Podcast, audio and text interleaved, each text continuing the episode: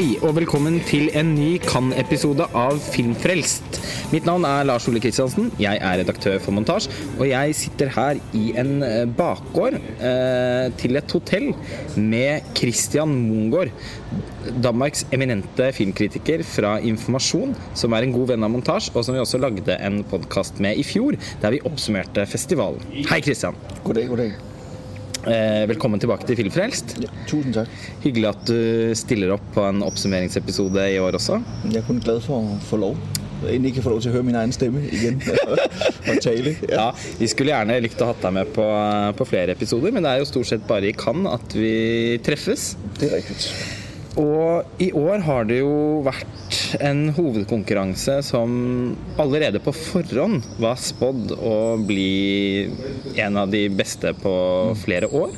Og nå har jo både du og jeg sett så å si alle konkurransefilmene. Det er bare én dag før eh, festivalen er ferdig og prisene skal deles ut. Og hvordan, nå som, nå som, alt, nå som festivalen snart er over, hva, hvordan ville du oppsummert årets utgave? Altså, det, det, interessante er jo at det næsten alltid ser godt ut på forhånd, kan man sige. Ikke? Man sidder og kigger ned over listen av film og instruktører, og så tænker man wow. Det blir et stort år. Øh, men det er jo først når man så har sett filmen, altså efter festivalen, at man finner ut om det så også var et stort år. Mm. Men i år har du rett i altså Jeg tror vi hvad mangler vi? Vi mangler øh, David Lynch, Michael Haneke og Lars von Trier. Ja. Det er de eneste vi mangler i konkurrencen. Aki Kaurismäki mm. mangler vi i konkurrencen i år. Ellers er de der alle sammen alle de store navne. Ikke? Ja. Så på den måten har det ret, været ret fantastisk, og det er, sådan, det er med ret høye forventninger, vi er gået inn i det her, øh, altså taget til festival hernede i år, og jeg synes faktisk, for en gang skyld, er jeg ikke skuffet. Jo, der er nogle instruktører, jeg er skuffet over.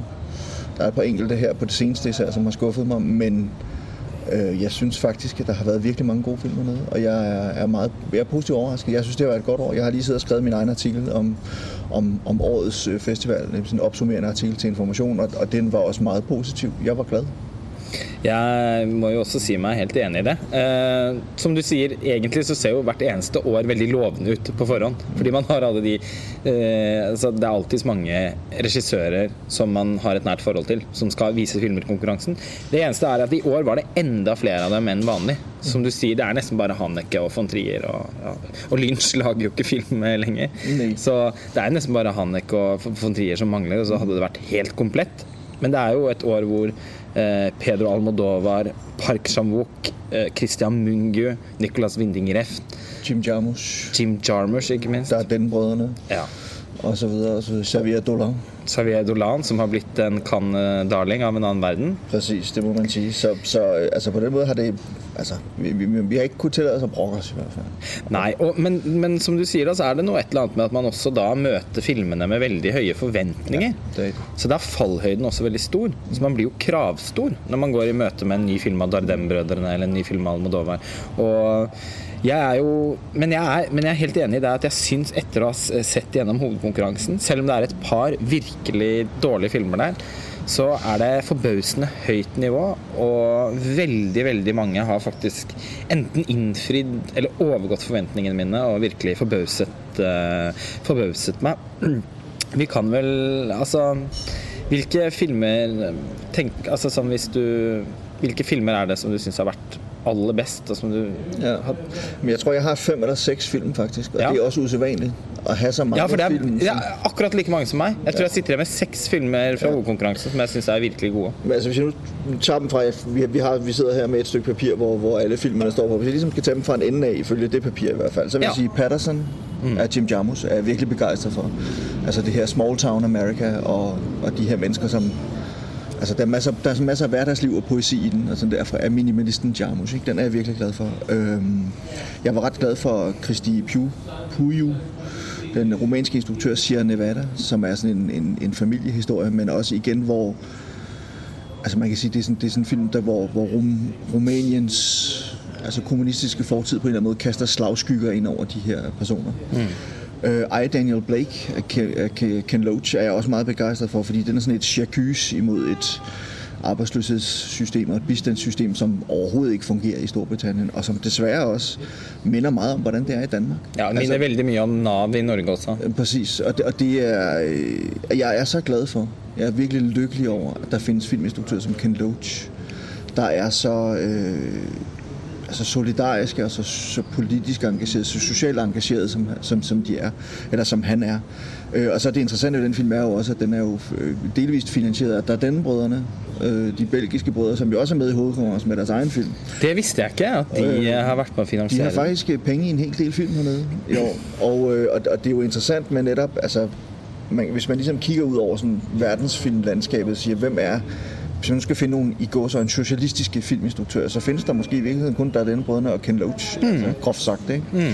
kan man sige. Så, så, så de også er med begge to i år, det, det er jeg virkelig glad for. Øhm, en af dem, som jeg, øh, den næste film, som jeg vil nævne, og som virkelig har betydet meget for mig hernede, det er Andrea Arnolds American Honey den er jeg, jeg blev helt blæst væk, øh, eller blæst bagover af den film. Altså det er jo, øh, og der er faktisk tre amerikanske film hernede. Altså der er øh, Loving, eller undskyld, Patterson af Jim Jarmusch, så er der American Honey af Andrea Arnold, og så er der Loving af Jeff Nichols, som alle sammen tegner billeder af USA på en eller anden måde. De bliver sådan en USA-krønike, eller en amerikansk odyssé på en eller anden måde.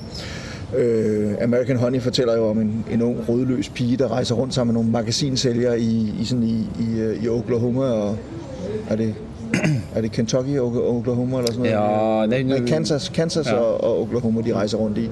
Og, og jeg synes, den er... Øh, altså, der var mange, der, den, var, den var næsten tre timer, og der var mange, der ikke øh, kunne holde den ud og sådan noget, men jeg synes, den var helt fantastisk med lyd og billeder. Altså, hun, hun har en evne til, Andrea Arnold, at finde de der detaljer i billederne, som, som giver så meget stemning. Og, Han har, hun har jo samme fotograf som Ken Loach, Robbie Ryan. Ja.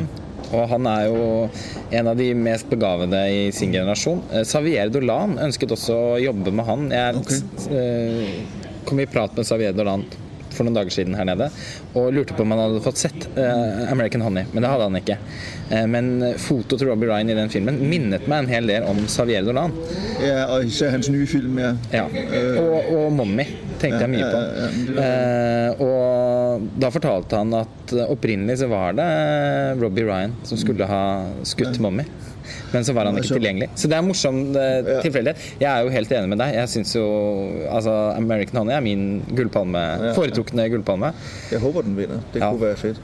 Øhm, når, hvis jeg så ligesom skal, jamen, så vil jeg sige øh, Mademoiselle eller The Handmaiden af Park Chan-wook, var jeg også meget begejstret for. Altså, som er en, en, en meget overraskende film. Den er fuld af overraskelser og handler jo om... øh, hvad skal vi sige, den handler vel om sex og bedrag i, mm. øh, i, øh, i et japansk besat Sy, øh, ikke Sydkorea, men Korea, japansk besat Korea i 1930'erne.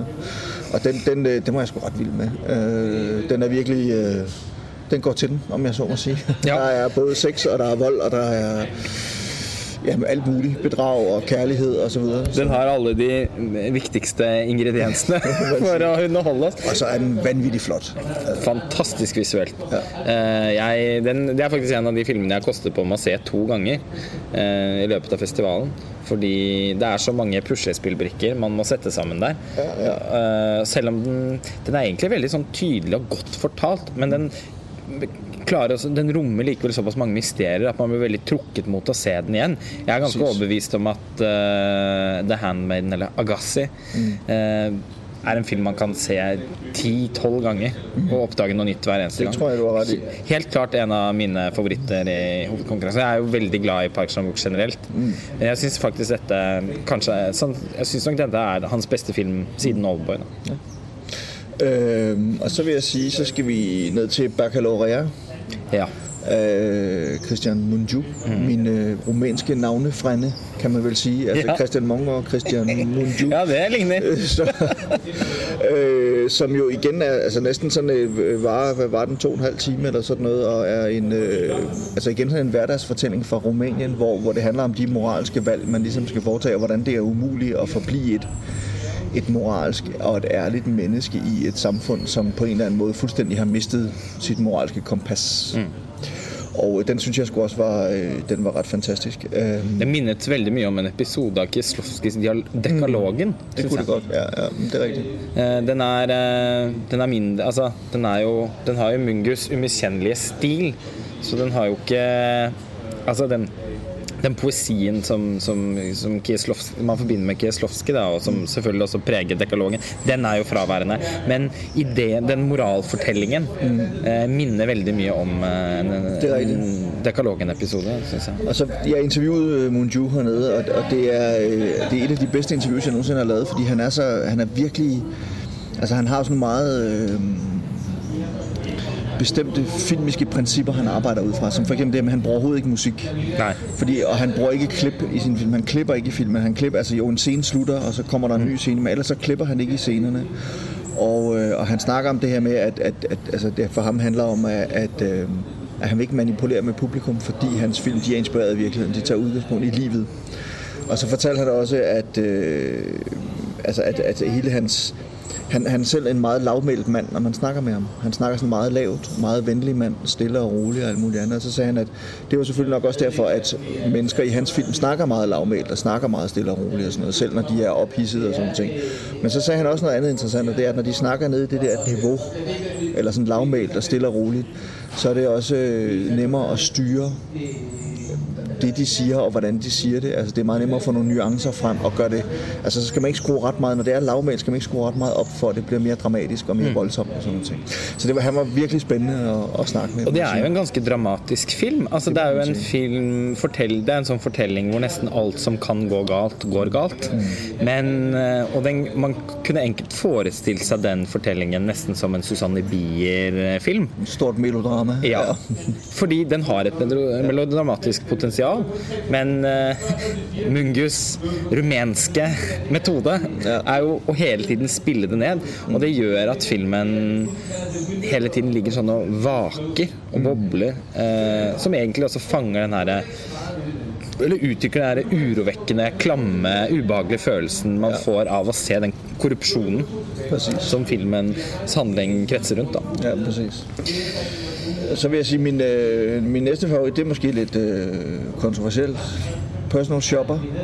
Den er jo helt fantastisk. Uh, altså, det er en av mine favoritter også. Jeg synes den var virkelig god, og jeg synes Kristen Stewart spiller, som også i øvrigt spillet med i øh, åbningsfilmen hernede, Café Society af Woody Allen, som jeg også var meget begejstret for. Jeg er kæmpe stor Woody Allen-fan. Woody Allen han laver to slags film han laver gode film, han laver fremragende film. ja. så, sådan er det. Og der er ja, jeg, mere om det. Jeg har faktisk ikke sett Café Society ennå, men jeg skal se den i overmorgen. Ja, men den er virkelig god, synes jeg. Men, mm. men altså, Personal Shopper, synes jeg var... Og det, den er, det, det sjove ved det var, at jeg havde ikke læst noget om filmen på forhånd. Jeg vidste, at Kristen Stewart spillede personal shopper for en stor fotomodel eller stjerne eller på i Paris og så videre. Men jeg vidste ikke, det var en gyserfilm. Jeg vidste ikke, det var en spøgelseshistorie. Og den er helt vildt uhyggelig. Mm. Altså det var, øh, jeg, jeg blev simpelthen virkelig, virkelig bange, da øh, i nogle af de der, altså hvor man kunne mærke, alle nakkehårene rejste sig og sådan noget. Der er virkelig nogle scener i, altså fordi det er så underspillet også, mm. øh, men den er virkelig uhyggelig. Og så er den meget rørende, synes jeg. Altså det handler om en ung kvinde, netop spillet af Kristen Stewart, som udover at arbejde som personal shopper, så også faktisk sørger over tabet af sin tvillingebror. Og de er begge to mediumer. Altså det vil sige, de har spiritistiske evner. De kan tage kontakt til, til ånderne i, i åndeverdenen. Måske. Mm. Mm. Og det, så skal man næsten ikke sige mere om filmen, fordi den, Nei, det er en film som det er morsomt å ikke vite for mye om på forhånd. Jeg, i likhet med deg, hadde heller ikke satt meg noe særlig inn i hva den skulle handle om, og ble veldig overrasket over at Asayas rett og slett hadde laget en psykologisk thriller. Eh, den minnet meg den, Det er en time midt i filmen hvor nesten all dialogen foregår over SMS. Så det er en litt sånn smartphone-thriller. Og, og, og, det er en av de smartphones som, som altså, gjør det riktig. Ja, fordi, og, og, fordi at jeg syns at det har en funksjon da, at han bruker disse moderne mediene. Fordi jeg føler at han stiller et spørsmål som Altså stiller spørsmålet om moderne medier er, er det ikke noe, noe, spøkelsesaktig over dem? Er det ikke noe spøkelsesaktig over måten vi kommuniserer på nå til dags? Eh, og det Jeg, jeg syns at han klarer å, å, si en del spennende ting om, om temaet i filmen uten å miste suspensen, da. For den mm. er fryktelig spennende. Ja. Og minner, minnet meg av og til om The Ghostwriter til Roman Polanski. Ja, ja. Som har en tilsvarende følelse av sånn klam og udefinerbar paranoia. Ja, men det er et eller annet der lurer, man vet ikke hva det er. Nei. Uh, men det er riktig, at det, jeg synes, at det er det, der gjør den uhyggelig. Og det, det, altså man føler seg både truet av hvad skal vi sige, af teknologien, men også af, af åndeverdenen på en eller anden måde. Ikke? Altså begge dele truer ligesom den her unge kvinde, eller man ved bare ikke rigtigt, hvad det er. Man ved ikke, hvad det er, der foregår. Så er det veldig flott uh, visuelt òg. Mm. Mørkt. Uh, veldig mange lange scener hvor Kristen Stewart bare er inni denne, dette gamle, her, forlatte herskapshuset uh, i helt sånn mørklagte rom. kjempe Altså sånn Med veldig enkle virkemidler, egentlig, så syns jeg altså Jazz lykkes med å, å, skape en sånn forferdelig intens følelse av ubehag. Men det sjove er at det var en film som jo øh, altså som ble buet en del av til pressekørselen. Altså, og, og, som mange mennesker har det meget svært med hernede. Det er noen der syns Kristen Stewart spiller helt forferdelig, men jeg syns jo hun efterhånden øh, flere gange nu har bevist, at hun er en af sine, altså hvad er hun, 5-26 eller sådan et eller andet, ikke? hun har bevist, at hun er en af sin generations helt store skuespillere. Altså, det er ikke noget tvivl om. Hun er kommet så langt siden Twilight, øh, hvor hun jo også var god i, altså, men, men det er ligesom om, at nu med to roller hos SAS, altså The Clouds of Silmaria sidste år, ikke? og så den her nu, ikke? og det er Jamen, jeg er meget begejstret for den, det må jeg sige. Og for, for de, altså, jeg håper, de bliver ved med at lave film sammen, Asayas og, og Kristen Stewart. Det hadde vært veldig gledelig hvis hun ble hans muse. Ja. Og hun er en fantastisk skuespiller, jeg er helt enig. Hun vant jo en César for Claus og Sils Maria. Ja. Er vel den eneste amerikanske skuespilleren som noen gang har gjort det. Og hun har jo En ting er at hun har blitt så uh, altså, eh, hun har blitt så belemret med, med, med den Twilight serien Men eh, hun, var jo, hun gjorde jo veldig mange fine ting både forut for den og parallelt med den òg. Ja, ja. Eh, hun spiller jo kjempebra i den Adventureland eksempel, til Greg Mottola. Og ja, var ganske imponerende som barneskuespiller i Panic Room også. Mm, mm. Så hun har, jeg syns alltid Kristin Stewart har vært bra. Hun, har, ja. hun, er veldig karismatisk og har et uh, spennende, spennende filmansikt. Og jeg, og jeg syns virkelig hun blir bedre for hver eneste ja. film.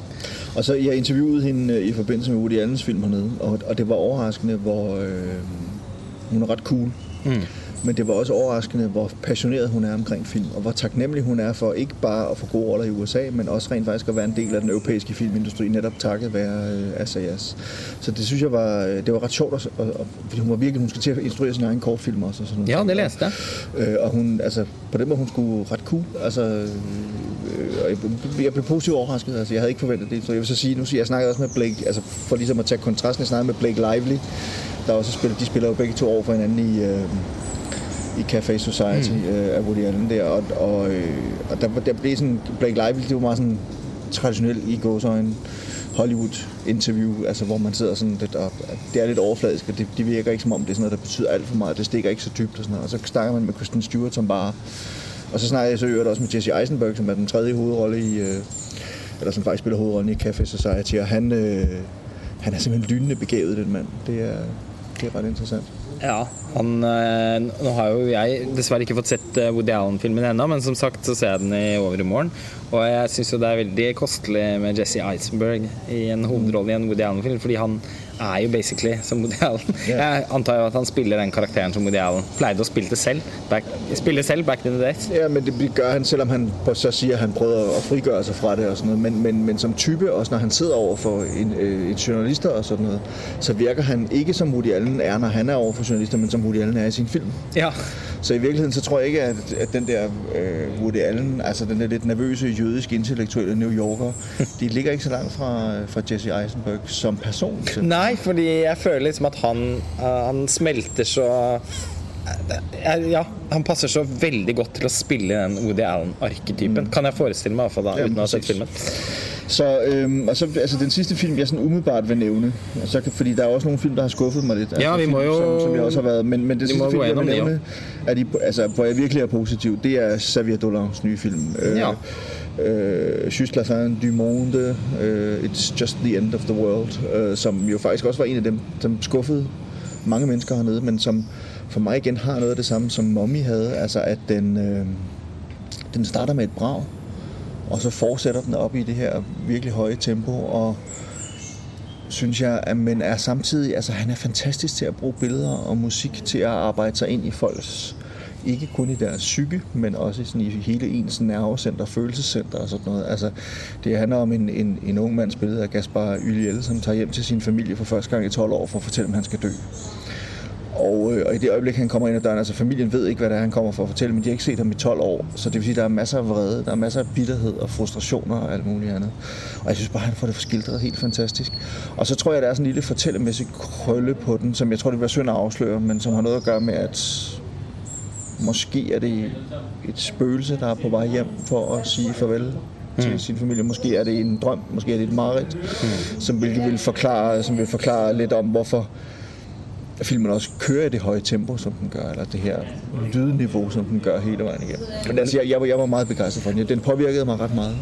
Ja, nei, men altså, jeg har jo snakket med mange folk om filmen, og det er litt delte meninger om den. Jeg må innrømme at jeg var litt skuffet over filmen. Jeg syns ikke det er en dårlig film, jeg syns det er en god film, men eh, jeg føler at Xavier Dolan kunne fortalt Altså, jeg syns den jeg syns ikke den fungerte så godt som fortelling.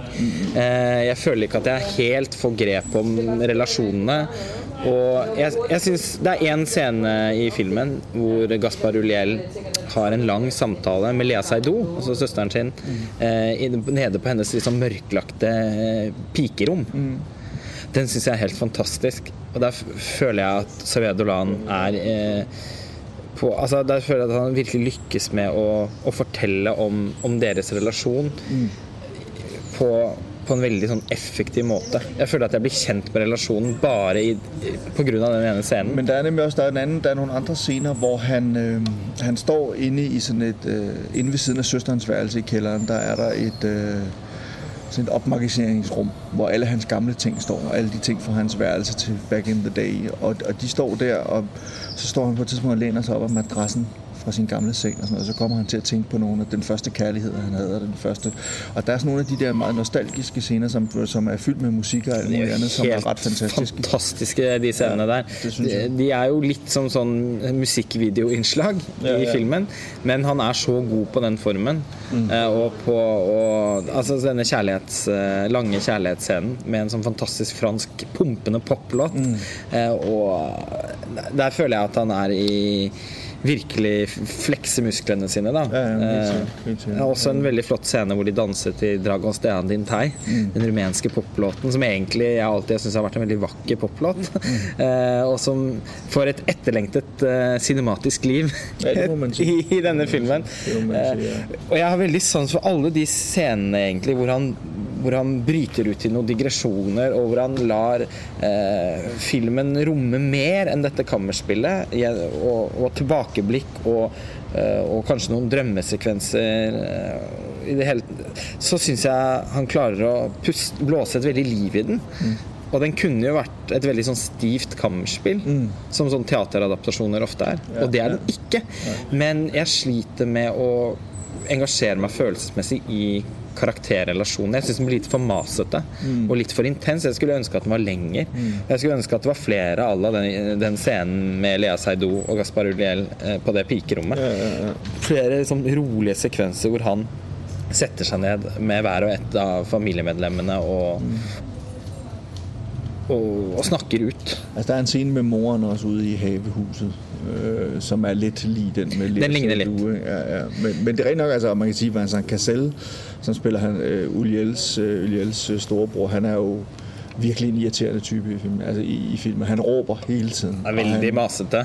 Og han uh, jorder sin kone og alt mulig andet. Men, men der er alligevel, jeg ved ikke, der var et eller andet i den, som, ja. jeg synes ikke, den er lige så god som Mommy. Bestemt ikke, men, men den, den kunne alligevel et eller andet, synes jeg. Ja.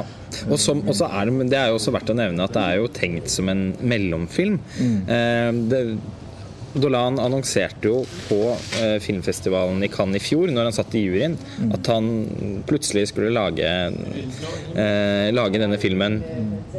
Skyte den i løpet av bare noen få uker. Mm. På et, det var vel i, i et hus i Syd-Frankrike. Eh, like i nærheten av Cannes. Eh, og, og, dette var jo parallelt med at han egentlig hadde begynt å eh, forberede den The Death and Life of John F. Donovan, mm. som er hans første engelskspråklige film, og som jeg tror er et mye mer ambisiøst visjonært prosjekt. Så det er jo bare en sånn liten film han lager fordi Look what I can do! Ja, ja. Og, og som et nå lager jeg gåsetegn foran lydopptakeren her, men som et, som et venstrehåndsarbeid, Ja, ja. så er det veldig imponerende. Det er imponerende. Jo, jo, men altså, han, der er jo ingen tvivl om, altså Mannen er, er han, 27 nå. Ja. han har lavet, jeg vet ikke, hvor mange filmer, han er, øh, altså det, Seks.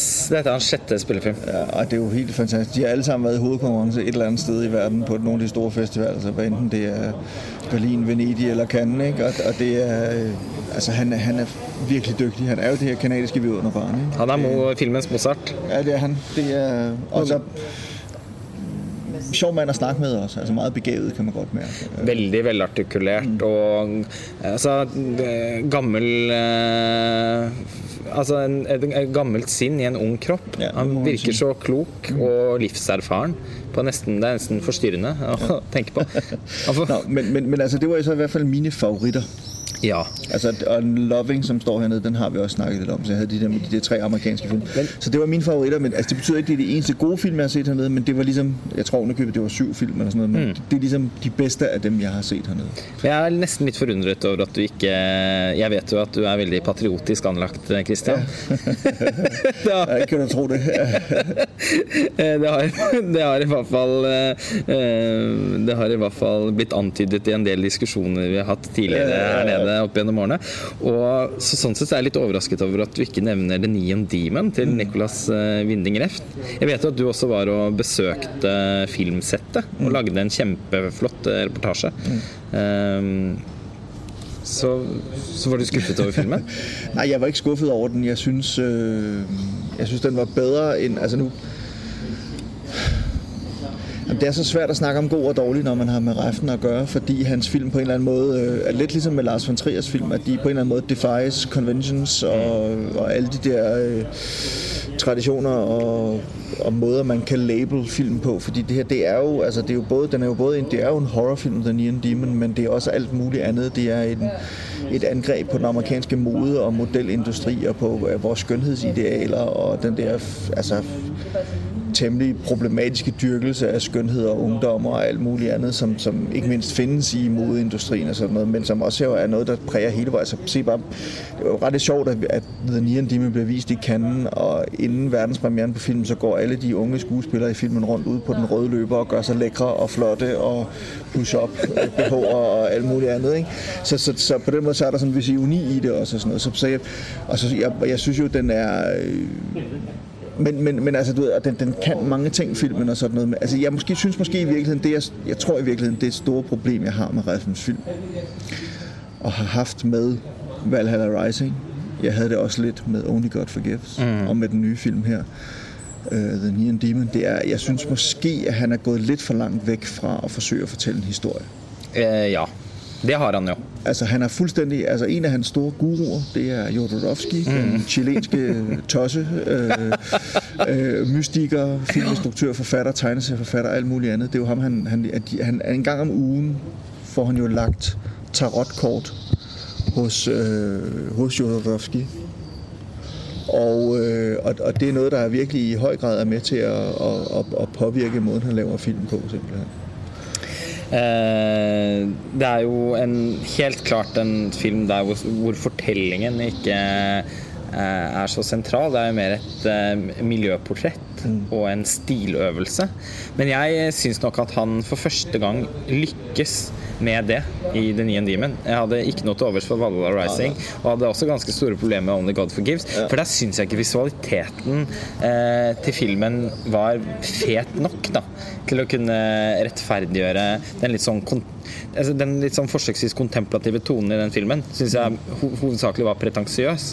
I The Neon Demon syns jeg han har mer glimt i øyet, har mer Han Filmen er jo like, den er like skjønnhetsfiksert og distansert og iskald som det miljøet den portretterer. Er. Men med et, eh, med et glimt i øyet, syns jeg. Mm. Og men prøv å høre, altså Bildene i filmen er jo helt vidunderlige. Uh, Natasha Breyer, tror jeg hun hedder. Øh, hvad hedder det? for meg, Fotografen. ja, for meg en helt ukjent fotograf. Ja, men jeg, hun er meget, jeg, jeg tror hun er, øh, jeg tror hun er, jeg kan sgu ikke huske om hun er meksikaner eller hvad hun er, men altså hun er i hvert fald, hun er i hvert fald virkelig dygtig, og, og, og hvis filmen skulle vinde her noget hernede, tror jeg, så skulle det være så skulle det være en fotografpris for eksempel. Det kunne den virkelig godt.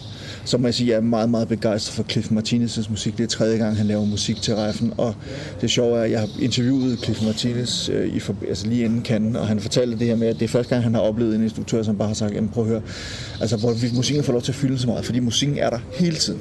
Fra start til slut er der bare tæppebombe næsten med musik. Den her, altså både sådan elektronisk musik, som Cliff Martinez laver. Han er jo fast komponist også for Soderbergh på The Nick tv-serien, som Soderbergh laver lige nu, men også en lang række af, af Soderbergh, sådan mere spacey film, kan man sige. Dem har han lavet musik til. Øh, så der er så mange ting inden der. Jeg synes, øh, hvad hedder hun, øh, Elle Fanning ja. er virkelig god i den. Kjempegod. Altså, hun, øh, hun har vært god i alle filmer ja. jeg har sett henne i, men... Øh... Ja, men det, det, det er ligesom hun hun har, altså hun skal jo forestille at være den her 16-årige uskyldige pige, som kommer fra et eller andet sted fra Midtvesten til Los Angeles for at gøre karriere som model, og som så faktisk ender med at overhale alle de andre gavede modeller indenom, fordi hun bare har den her ungdommelighed og den her naturlige skønhed, mm. hvor alle de andre, de har fået repareret et eller andet hister her, eller fået nogle ansigtsløftninger og sådan noget. Og i en alder af et par 20 år allerede ved at være for gamle til at være modeller. Men hun har den her uskyld over sig, den her naivitet, og så I se nogle enkelte scener, og når man siger The Neon Demon, det er måske i virkeligheden hende, der er The Neon Demon, altså fordi hun har et eller andet djævelskab i sig også. Mm. Øh, så, så, så der er virkelig mange fascinerende ting i. Jeg er helt enig, altså, og jeg Altså igen en film som faktisk, det er faktisk den film, der har fått de største buråp hernede til pressekørselen. Ja, det hørte jeg rykter om. Jeg så den ikke på men, den visningen. Men det er også, altså prøv at Cannes er et, et meget, meget utaknemmeligt sted på den måde at have film, at, at premiere på sin film på, fordi alting bliver forstørret på en eller anden måde. Altså, hvis ja. der er nogen, der begynder at klappe, så er der altid nogen, der begynder at buge. Mm. Hvis der er nogen, der begynder at buge, så er der nogen, der begynder at klappe. Mm. Altså det er sådan lidt, du ved, det bliver sådan en konkurrence på en eller anden måde, ikke? Og, og øh, Altså folk, jeg tror også i forbindelse med SAS, altså personal shopper, dem der buede, det handler jo også om, at han er jo sådan en fransk film store, en af fransk film store auteurs, mm. moderne auteurs. Mm.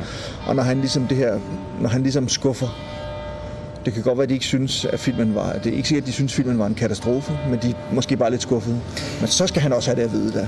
Så skal man bue af filmen.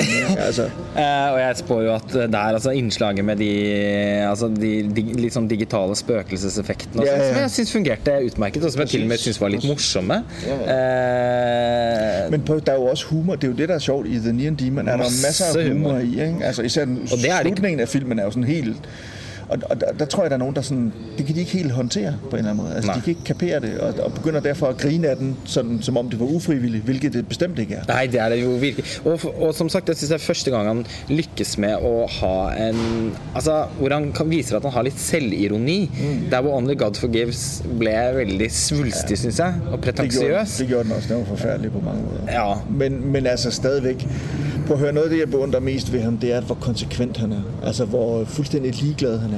Efter, Designers, efter Drive fik han jo tilbudt øh, at lave The Equalizer.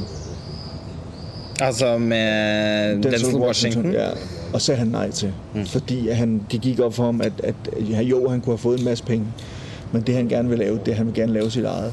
Og det han så har gjort den her gang, det er, at han har skaffet sammen med sin danske producer, producent i Space, partner i det selskab, der hedder Space Rocket Nation, der har, han skaffet, der har de skaffet 50 millioner. Og så tager de, gud hjælpe mig til Los Angeles og laver en film, der foregår i Los Angeles i udkanten af Hollywood, kan man sige, og handler om, om, om modelverdenen. Og det er stadigvæk en dansk produktion med franske penge, nogle få amerikanske og masser af danske penge i. Og, og laver ligesom fuldstændig deres egen film. Altså han gør ligesom gå ind på amerikanernes enemærker, og så laver han præcis det, han har lyst til, og med final cut selv og kunstnerisk frihed og alt muligt andet. Ikke? Man kan samtidig bruge alt det her, øh, altså alt det der, den mytologi, der ligger i, i Los Angeles, og det, at hun, hun bor på et motel, for eksempel, hvor Keanu Reeves i øvrigt er nattevagt og sådan noget. Meget mm. mærkelig rolle, han har. men, men, men, men altså, du ved, det, den bruger ligesom den mytologi, der også ligger i Los Angeles. Og sådan, alle de der ting, man har i baghovedet, når man ser det, det bruger han jo, og, og han er jo vildt dygtig til de der ting. Mm. Og så alle referencerne til, til øh, altså, italiensk giallo, Mario Bava og sikkert også John Carpenter og alt muligt andet. Og der er vampyrisme med i den, og der er kannibalisme med i den, og der er sex, og der er alt muligt. Ja, hvis vi skal snakke om eh, noen motiver som har vært eh, så, ja, gjennomgangsmotiver eh, i Cannes i år, så må vel kannibalisme være et av dem. Jeg vet ikke om du så den filmen i Kritikeruken som, het, eh, som heter Raw? Nei, jeg kunne høre den. Ja. Den er fantastisk. Eh, den store overraskelsen i Cannes eh, i år, for min del. Ny deb deb debutfilm. Ja. Eh, som på en veldig fascinerende måte beveger seg innom mange subsjangere av, av horror. Og som er en slags sånn college kannibal body horror. Bruno Dumont-filmen 'Malot' har jo også kannibaler i seg.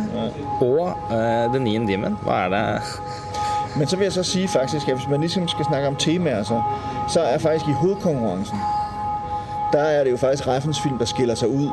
Fordi den er, altså du, du sagde det selv før, at det er en kold og kynisk film, der handler om kolde og kyniske mennesker. Mm. Men mange af de andre film, altså lige fra altså Patterson, uh, Sierra Nevada, I, Daniel Blake, American Honey, øh, Tony Erdmann, som vi ikke har snakket om nu, som vi kan vende tilbage til, øh, Baccalaureate, øh, til en vis grad også Personal Shopper, Just La Fin du Monde, øh, og La Fille der er den Dardenne, de handler jo alle sammen, altså det er jo alle sammen menneskelige historier, som handler om, at vi skal opføre os ordentligt over for hinanden, og handler om, altså som også har det her med sådan en, en altså måske noget sovebearbejdning, men også øh, jagten på et anstændigt liv, og på et godt liv, og på et øh, på at, at ligesom finde et sted i verden, hvor man kan altså ikke nødvendigvis have penge og succes, men dog bare have et anstændigt, værdigt liv.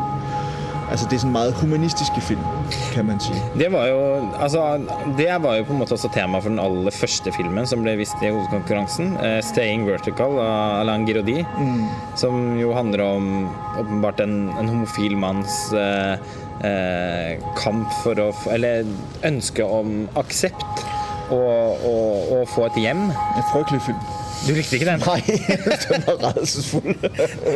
Den har vi faktisk laget en eh, filmfrelst episode om. Okay. Eh, og vi var ganske positive. Jamen, det er meget interessant med sådan en film. Altså, det er sådan en, hvor jeg sad faktisk... Skal vi ikke afsløre, hvad den slutter med. Men jeg sad faktisk til sidst og håbede på, at der ville være sådan en krølle på halen, og på en eller anden måde fik den til at give mening for mig. Den gav ikke rigtig mening for mig. Altså, jeg synes, den var lidt, lidt selvoptaget og noget. Men Ja altså.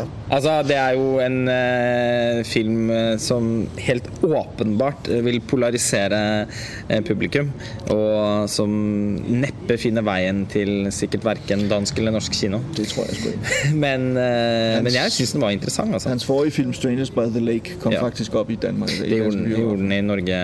Men den var også... Den hadde større gjennomslagskraft. Ja, den hadde en sånn Hitchcocksk eh, nesten Ja. suspens som uh, var ganske fraværende i 'Staying Vertical'. Som var mer som en sånn Pasolini-aktig fabel. Men jeg syns den var uh, interessant. Men altså, ok, den syns du jo ikke spesielt om. Men er det noen andre filmer som du, som du har vært oppriktig skuffet over? Altså, du har jo hintet til at det er det. Jamen, altså jeg vil si faktisk Asghar Fahadis, øh, nye film, den iranske instruktørs øh, Salesman, The Salesman, som jeg så øh, i går aftes, tror jeg det var. Øh, og den, den øh, Asghar Farhadi, som jo lavede øh, The Separation, og som øh, fulgte op med øh, The Past, mm. som faktisk synes jeg er, er, er virkelig, altså to film, som jo den ene foregår godt nok i Frankrig, og den anden foregår i Iran, men, men som alligevel altså, henvender sig til altså et stort publikum på den måde forstå, det er sådan almindelig menneskelig historie og sådan noget, mm. handler om. Den nye film her, synes jeg, er måske virkelig meget iransk, i og med, at den handler om iransk skyld og skam. Øh, og kan måske være lidt svær at forholde sig til som, som, som, som vesterlænding, kan man sige, eller nord, nordeuropæer. Og så har den sådan en eller anden en, en sidehandling med, at, at de to hovedpersoner i, i den nye her, The Salesman, er øh, skuespillere, og er med i en opsætning af Arthur Millers øh, Death of a Salesman. Og det giver ingen mening i forhold til resten af filmen. Altså det der teaterstykke der, det, det, det der altså øh, tematisk har det slet ikke noget med resten af filmen at gøre, og det er ligesom om det trækker en masse energi ud af resten af filmen. Som, så det der, og der er et ret stort drama i, i, i centrum af den her film. Jeg, jeg synes bare ikke, det fungerede. Jeg var sgu ret skuffet, det må jeg sige. Jeg skal se den i kveld, Ja. så vi får se om jeg Eh, Men konsensus har vel vært at det har vært en litt underveldende Farhadi-film. Mange har jo følt det samme om eh, Darden-filmen. Men faktisk også omkring øh, Almodovar-filmen. Ja. Og, det- er ligesom om, det er sådan tre øh, arthouse-favoritter, mm. som alle sammen på en eller anden måde har skuffet. Og i virkeligheden så tror jeg, det handler om, altså, der er den bådene, synes jeg, der er noget med psykologien i og sådan noget. De har også lavet stærkere film før. Øh, Al- Almodovar har også lavet stærkere film før, men det er også ligesom om, han har også behandlet det samme materiale før på en mere underholdende måde, eller på en mere original måde. Og måske er det i virkeligheden lidt det, at der er nogle af dem, de er sådan lidt metaltrætte. Altså det, det, det, det går lidt i tomgang på en mm. eller anden måde. Altså meningerne er gode nok, det er vellavede film, og det er velspillede film og alt muligt andet, men der mangler lige den sidste nerve i det på en eller annen måte. Ikke? Ja, Almodovar-filmen var jeg veldig positiv til. Mm. Bare fordi jeg syns at den er Jeg ble kanskje litt skuffa over at den var såpass enkel. Eh, de Almodovar-filmene som jeg foretrekker, er gjerne mer kompliserte fortellinger. Eh, som følger litt sånn samme type struktur som Agassi, egentlig. Eller altså The Handmaiden. Med først én akt, og så en akt nummer to, hvor man går, eh, i, løp, går i tid tilbake forut for hendelsene i første akt, men også lager en parallellhandling med informasjonen som ble holdt tilbake i første akt, og så en tredje akt som knytter alt sammen. Det er jo en narrativ struktur som man bruker både i dårlig oppdragelse og snakk til henne. Og, og det gir dynamikk. Altså, det, det skinner liv i. Ja, ja, det, altså, det, gir jo, det, gir jo, det gir jo noe dynamikk, og det gir noe energi til fortellingen. At den ikke er så tradisjonelt skrudd sammen. Altså, ja. Men, men, men, i Julietta så føler jeg at den er enklere enn den pleier å være. Jeg synes mm. ikke, Etter hvert som den bretter seg ut, så syns jeg ikke uh, Jeg ser så veldig mange av de tidlige scenene i filmen i et helt nytt lys, som ofte er tilfellet med de aller beste Almodovar-filmene. Jeg skal imidlertid prøve å få sett Julieta igjen i morgen, for jeg tror kanskje at den kan vokse på gjensynet. Og jeg likte den veldig godt, sånn, altså også ved første gjennomsyn, fordi den er så innmari vakker. og Eh, man kan si at det er Almodovar som gjør sin greie. Mm.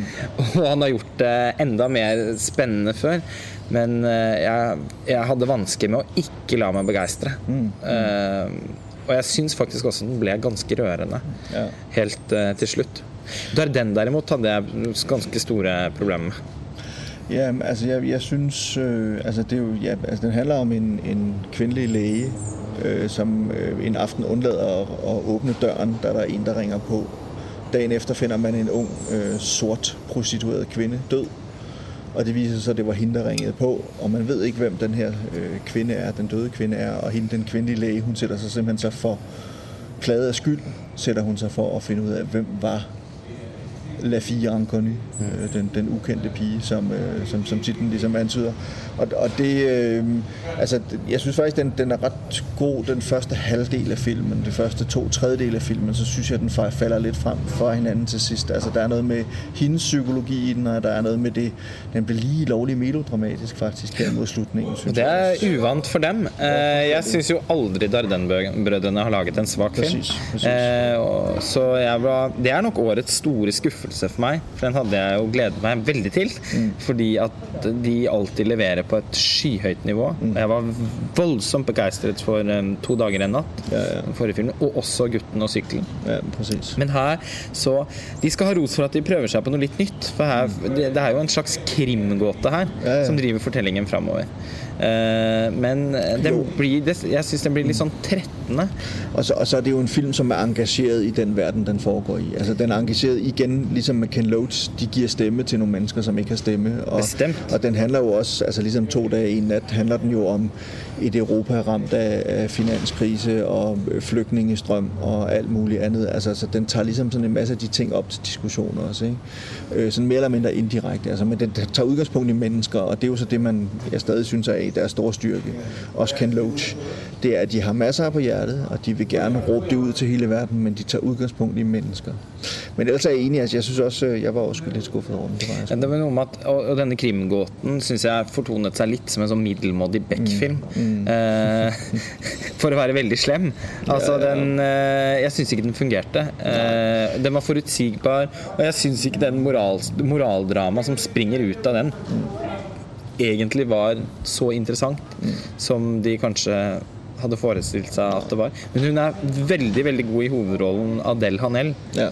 Og hun gjorde jo jeg var jo likevel med, altså sånn, ja, ja. til en viss grad revet med av filmen. Og det handlet veldig mye om hennes spill. Ja, men jeg er enig. Uh, en film vi nesten er nødt til å nevne, som faktisk uh, i hvert fall blant uh, altså i kritikerne her nede, har, som folk har vært helt vilt begeistret for, og som er en av dem som har, er blitt mest snakket om og alt mulig annet, det er den tyske Tony Erdmann. Ja. Og det er rett interessant, fordi jeg, jeg syns det er en god film. Jeg synes, den er alt for lang. Den var tre timer. Mm. To timer og tre kvarter, tror jeg. Den er alt for lang. Jeg synes, man skal have en time ud af den. Perfekt film, tror jeg. Så tror jeg vi virkelig, vi synes om den. Det handler om en, altså en aldrende far, øh, som prøver ligesom at, at blive reunited med sin datter, som øh, voksne datter, som har travlt og er forretningskvinde og alt muligt andet, men er ret ulykkelig. Så faren han opfinder sig den her øh, fiktive person, der hedder Tony Erdmann, så han tager en par ryg på og nogle falske tænder, og så tager han ellers fra Tyskland til Rumænien, hvor datteren arbejder for et stort firma, og prøver at overraske hende og prøver at få hende rystet ud af, af den der travle, stressede hverdag, hun har. Og det er et godt setup, og der er fantastiske scener i filmen. Men jeg har det sådan lidt, den starter godt, så den midterste del af filmen, der oh, det går langsomt. Og så den sidste tre kvarter er helt forrygende. Ja, det er noe av det morsomste jeg har Der er sett. den en av de bedste fester, Ja, jeg noensinne har ja set. Med Chi- nakenpartyscenen. Nøgenfest med Chewbacca, Ja. kan vi vel si. ja, eller som, som jeg tenkte, noe som ligner noe fra en sånn helvetesversjon av Sesam stasjon. Ja, ja, præcis. Ja. Eh, Tony Erman er helt klart en av mine favoritter eh, her i år. Eh, den er på en måte Maren Ades eh, svar på Mrs. Doubtfire. Egentlig eksakt samme premiss. En far som må skape en fiktiv karakter for å eh, få være sammen med sitt barn. Eh, og hun er jo hele tiden klar over selvfølgelig at det er faren hennes, som er Tony Erdmann, men hun kan jo ikke si det, fordi hun syns jo det blir så pinlig eh, overfor de andre kollegene hennes. Så, han, så, så gjennom at hun ikke, ikke på noe tidspunkt kan fortelle de andre at det er faren hennes, så får jo han tilgang til henne eh, hver eneste gang hun på denne businessreisen da er på et eller annet eh, offentlig sted, altså en restaurant eller en bar. Eller. Eh, og det skaper en sånn situasjonskomikk som, eh, som av og til er så morsom at jeg nesten holdt på å kaste opp av latter. når jeg, er sånn. jeg, jeg har ikke ledd så mye av en film siden jeg så The Wolf of Wall Street, eh, tror jeg. Og jeg er selvfølgelig også enig i at den er litt for lang, men, eh, men det, det, det er ikke det er ikke problemat, for, så problematisk at det, at det går utover helheten, egentlig, syns jeg. Og det er jo et trekk ved veldig mange filmer her i år, at de er fryktelig lange. Ja. Og de aller fleste av dem kunne vært klippet ned. Ikke American Honey. Nei, det er jeg enig i. Den, den var den, som den skulle være. Ja. Den var i to timer og 42 minutter. Akkurat samme tid som Tony Herdman. Ja. Eh, Men der, det, det syns jeg er noe av hele opplevelsen av filmen er at den er så lang. Eh, og, og den er så åpenbart for lang. Altså, ja, Du kunne sikkert klippet hvert halvparten og ikke mistet så mye, men det er ikke narrativ film. Eh, det er en film som handler om atmosfære og det å som, Du må liksom bade i filmen. For å, for å få den kunstopplevelsen som, som, som jeg føler at André Arnold inviterer til. bestemt. Jeg er helt enig. Eh, Men, men veldig mange av de andre kunne jo fremstått som mer disiplinerte filmfortellinger hvis man Ja. hadde sakset de ned 10-20 minutter, i hvert fall. Ja, ja. Og jeg er enig i at eh, Tony Herman er en av dem. Jeg syns faktisk kanskje også bakalaureat kunne tjent på å vært eh, 20 minutter kortere. Ja, det, det ved jeg ikke så mye. Altså, måske sier Nevada er nesten mer tilbøyelig til den, den første øh, romanske filmen. Var tre timer, det er også virkelig lang tid. Jeg syns det var litt en eh, utholdenhetstest, må jeg innrømme. Jeg var ikke så begeistret for den. Eh, Jeg er enig i noen av de kvalitetene som du løftet fram i stad, men jeg syns at den eh, og Christer Pue er veldig god på den observerende stilen, som jo han også viser med Lasarescus død. Men han eh, I denne filmen så sliter jeg med å Jeg slet med å liksom helt forstå relasjonen mellom karakterene og engasjere meg i, i hvem de var og hvilke liv de levde. Eh, jeg følte filmen litt var som å sitte på en, eh, et, et restaurantbord og overhøre noen fremmede mennesker på et annet bord. Sitte og snakke om været, helsa, litt politikk. Jo, jo. Eh, og i tre timer så ble det for mye. Jeg tror at jeg kunne hatt mye større glede av den hvis den hadde strammet seg kraftig inn. Og kanskje Altså, Jeg vil jo aldri tro at Kristi Pue kommer til å by på noe særlig eksposisjon, men litt mer Litt mere forklaring. Ja, en litt enklere vei inn i filmen kunne jeg tenkt meg. Jeg, jeg kunne meget godt lide det, altså det der med det, det observerende. Jeg, jeg elsker altså meget av Sierra Nevada foregår i, den, i en lejlighed, hvor vi har en, øh, en korridor som ligesom er centrum i lejligheden. Og så er der en masse døre, som åbnes og lukkes hele tiden, og mennesker, der går ind og ud af de her døre. Og det bliver sådan en symbol på et eller andet, altså på livet, og hvordan nogle gange er der nogle muligheder, andre gange er der nogle ting, som ikke lykkes, og det ene og det andet og sådan noget. Så det kan, jeg kan meget godt lide den der øh, måde, at, at han bruger den her lejlighed på og sådan. Men ja, ja. Øh, så ved jeg ikke, er der noget, vi mangler at snakke om sådan for alvor? Nei, altså nå har vi egentlig pløyd oss gjennom Hvordan, jeg er nødt til å spørre deg, hvordan hadde du det med Malut? Jeg syns den var helt forferdelig. Ja. Og jeg er veldig glad i Bruno Dumont. Eh, Og jeg syns Petit Cancan var en fremragende filmserie. Det er jo egentlig en miniserie. Ja. Eh, Som, der syns jeg Bruno Dumont klarte å bruke sitt Altså de arketypene hans og det nordfranske landskapet og bygdetullingene, holdt jeg på å si, Ja. til å både fortelle en egentlig nokså spennende krimfortelling, Ja, jeg, og by på komikk, komikk, som jeg virkelig responderte på. Altså, det var rett ret vildt, fordi Dumont jo primært er kjent for å være den her mørke mann, øh, som så plutselig nå har besluttet for, at nå skal han lave, prøve å lave komedier. Øh, Ja, og det lykkes han med i Petit Cancan, syns jeg. og jeg synes, jamen jeg vil si Balut, jeg synes også, det var en forferdelig film. Ja. Men de første 20 minutter, halve time, der synes jeg var ret sjov. Det kan jeg det kan jeg godt være enig i. Altså, jeg synes, der er, der er, jo, sådan, der er jo referencer både til Dupont og Dupont og Tintin og til, øh, øh, hvad hedder det, øh, altså mere sådan noget slapstick, stumfilmkomedie og Ja. alt muligt andet. Altså, og, og, øh, og, og Monty Python, og jeg ved ikke hvad. Altså, det er jo virkelig en tosset film på mange måder, men jeg synes også, den er, altså, Den blir ganske utholdelig etter hvert. blir litt af den til Ja, jeg kan jo være helt enig at de første 20 minuttene så satt jeg og humret et par ganger selv.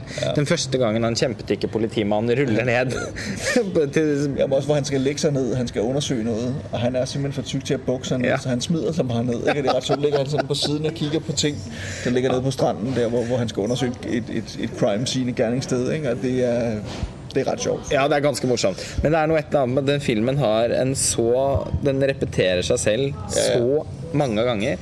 Og har så lite Den er egentlig veldig idéfattig, syns jeg. Den har, den, den har nok materiale til en uh, halvtimes uh, kort novellefilm. Og så kommer Juliette Binoche inn og ødelegger det hele også. Hun er så rædselsfuld. Forskrekkelig. Hun burde saksøke Bruno Dumont Ja, men altså, å eh, overspillet fuldstændig. Altså, hun er simpelthen så hysterisk i den filmen. Det er forferdelig at høre på. Men hun er til vanlig en av mine favorittskuespillere. Ja, ja. Jeg syns det var en stor sorg å se henne ydmyke seg på den måten. Og det må være instruksjonen det også er noe galt med. Jeg tror at du Dumont har vært ute etter dette uttrykket. Og Ja, ja, hun har sikkert bare gjort som best hun kan. Det tror jeg også. Altså, det, det, altså, det, han, han må liksom ta ansvaret for den filmen. Ikke? Jeg føler det. Og det er vel en av de filmene som, eh, som det virkelig er konsensus om at, at det er en stor skuffelse her nede, føler jeg. Jeg har ikke truffet mange som har likt den. Det er i hvert fall to danske journalister, og vi lader dem blive, forblive anonyme, men øh, som var ret begejstret for den. Ja, men jeg forstår det heller ikke. Dere får google. Det skal i hvert fall jeg Precis. for å finne ut av hvem dette er. Nei da, altså jeg, jeg, jeg kan se at man eh, Hvis man møter filmen med med et voldsomt humør og, og responderer veldig på eh, repetisjonshumor og litt sånn enkel slapstick-humor, Og er full og skæv. Så er det sikkert mange liker meg lott. men, eh, men det var dessverre veldig lite å, å glede seg over i den. Det er jo eh, 'Loving' av Jeff Nichols nevnte du jo i stad som en av de Altså, du, du er nesten nødt til å nevne jeg har ikke sett den, men Paul Verhovens nye film, L. Ja, jeg har nettopp sett den, Ja, og den eh, der, der, altså, jeg vil si at, at øh, jeg skulle ha sett den her til morgenen. Jeg nådde jeg så ikke, men jeg kunne se på Twitter, Ja. at folk var virkelig glad for den. Ja, det var helt- det er return to form for Et ekte, ekte comeback. Eh, man kan ikke merke han har vært borte. Der, dermed er det jo også på en måte desto mer trist at han Ja, ikke har laget film på ti år. Ja. Eh, han er i storform. Eh, like Altså, han har li, like mye muskler som filmskaper som han hadde for 20 år siden. Og det er en, det er en revenge thriller med Ja. Isabel Hubert. Men også en slags beksvart komedie om en dysfunksjonell familie. Eh, og den har veldig mange typiske Verhøfen-trekk. Eh, Den har blant annet et hun, Hovedkarakteren jobber for et selskap som utvikler dataspill som har sånn forferdelige, voldelige dataspill om hvor eh, kvinner blir voldtatt av monstre med sånne enorme tentakler. Eh, og sånn, og hun blir jo da også selv et voldtektsoffer, men har, eh, kjenner jo da på at hun har en slags sånn pervers nytelse over eh, En sadomasochistisk nytelse da, over det overgrepet. Og hun fantaserer om det igjen og igjen og går eh, og forviller seg inn eh, i hun, hun skal jo forsøke å finne ut hvem som er gjerningsmannen, men ønsker ikke å involvere politiet. Fordi at hun selv er datteren til en beryktet fransk seriemorder. Så hun er veldig var på at det skal bli noe medieoppmerksomhet rundt hendelsen. Og, eh, og samtidig så har hun en eh, litt mislykket sønn som jobber på en McDonald's-lignende restaurant. Som får sitt første barn med en helt forferdelig kone. Eh, og barnet har en farge som tilsier at det ikke kan være han som er faren. Og dette merkelige oppkoket av en fortelling er altså så underholdende og blir eh, jeg, jeg har ikke helt klart å sortere tankene mine etterpå. Jeg så filmen rett før jeg kom hit. Men eh, vi skal nok lage en egen episode om den på Filmfrelst, vil jeg tro. Men helt klart en av de aller beste filmene i hovedkonkurransen, det også. Og Isabelle Per gjør en av sine beste roller noensinne. Og det sier ikke så rent lite, fordi hun har gjort virkelig mange spennende eh, rolletolkninger. Men det er noe med Hun er fantastisk god på å spille litt sånn hekseaktige, eh, urovekkende uh, skikkelser. Jamen, jeg, jeg gleder meg meget til den. Jeg skal se den i morgen. Uh, det, blir, det er jeg sgu spændt på. Så du kommer til å få en veldig god avslutning på festivalen med L. Det kan jeg love. det er godt at høre. Ok, eh, da kan vi vel egentlig eh, si takk for nå. Takk for at du ville være med på podkasten, Kristian. Altid en fornøyelse. Håper jeg vi får til en episode til neste år også. Og da får vi krysse fingrene for at neste års konkurranseprogram er like overveldende som årets. For som dere skjønner, så er vi jo enige om at dette har vært en spesielt god åregang. Hvem vinner Gullpalmen? American Honey. Enig. Sådan. I morgen får vi svaret. Ha det bra.